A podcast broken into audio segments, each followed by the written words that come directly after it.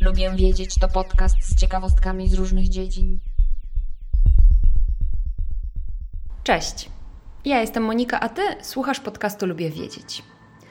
Dziś czeka na Was kolejna część newsów naukowych lub po części naukowych z ostatnich dni. Zapraszam do słuchania. Pierwsza wiadomość jest taka, że prawdopodobnie na Księżycu jest życie. Ale jak to zapytacie?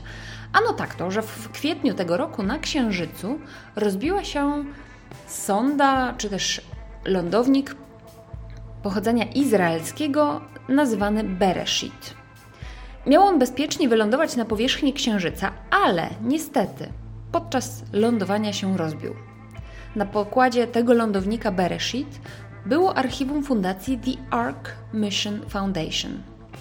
Jej celem jest rozpowszechnianie informacji o ludzkości i Ziemi w całym układzie słonecznym. A jak się da, to i dalej. Robią to poprzez wysyłanie archiwów zawierających różne informacje o Ziemi i gatunku ludzkim. Na przykład takie archiwum poleciało na Roadsterze firmy SpaceX na Marsa. Takie samo archiwum, albo też podobne archiwum tej fundacji, było właśnie na lądowniku Bereshit.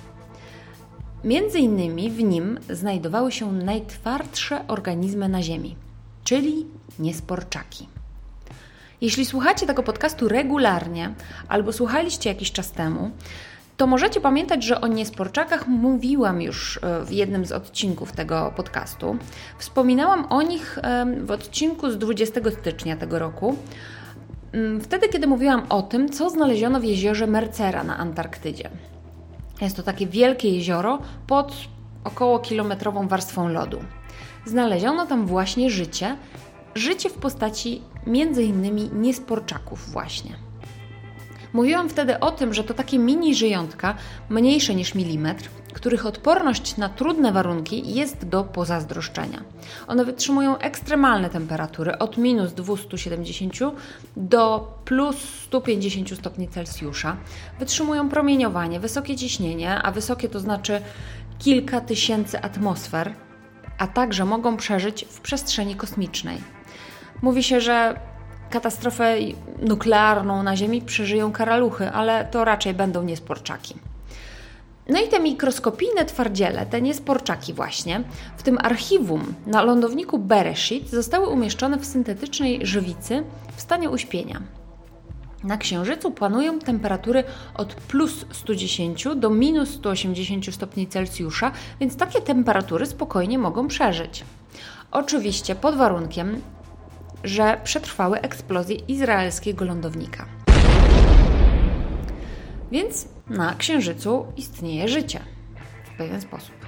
Jest jeszcze taka ciekawostka dotycząca tego lądownika Bereshit, ponieważ nazwa Bereshit po hebrajsku to tytuł biblijnej Księgi Rodzaju. A także tak właśnie brzmią pierwsze słowa tej księgi, które po polsku brzmią na początku. Można więc nazwę tej izraelskiej sądy tłumaczyć jako na początku albo początek. Z księżyca lecimy dalej, dalej, bo na Jowisza. Teleskop Hubble'a a raczej naukowcy obsługujący teleskop Hubble'a, co roku wykonują obserwacje planet naszego układu słonecznego. I tak też było w tym roku. Przy okazji zrobiono zdjęcia. I po wykonaniu zdjęć Jowisza okazało się, że słynna czerwona plama na Jowiszu skurczyła się. Ta czerwona plama jest obrazem olbrzymiej burzy trwającej od około 150 lat na Jowiszu. Jest to tak zwany antycyklon. Wielkość czerwonej plamy zawsze była przyrównywana do wielkości całej Ziemi, bo tak ogromna była to burza. Ostatnie zdjęcia wykonane przez teleskop Hubble'a pozwoliły stwierdzić, że burza się kurczy. I nie wiadomo, czemu się burza kończy. Wiadomo na pewno, że na całej powierzchni Jowisza można zaobserwować wiele takich zjawisk, zdecydowanie mniejszych. Jedne trwają po kilka tygodni, inne po kilkaset lat. Nadal trwają obserwacje tej czerwonej plamy i może się uda określić przyczyny powstawania i wyciszania się burz na Jowiszu.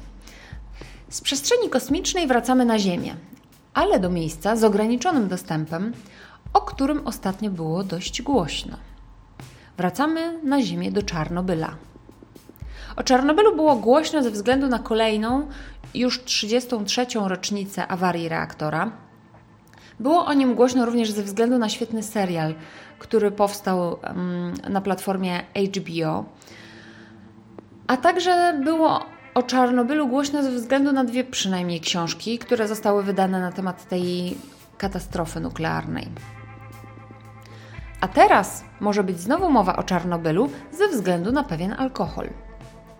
To pierwszy produkt konsumpcyjny, który pochodzi z zony, czyli z tego opuszczonego obszaru wokół uszkodzonej elektrowni jądrowej w Czarnobylu. Ta rzemieślnicza wódka wytwarzana jest z żyta i wody ze strefy wykluczenia wokół Czarnobyla. Projekt rozpoczęto od uprawy roślin na farmie w strefie. Sama wódka jest wynikiem prac naukowych badaczy, którzy pracowali w strefie wykluczenia od wielu, wielu lat. Badając właśnie jak Ziemia odbudowała się od czasu tej katastrofy nuklearnej w 1986 roku.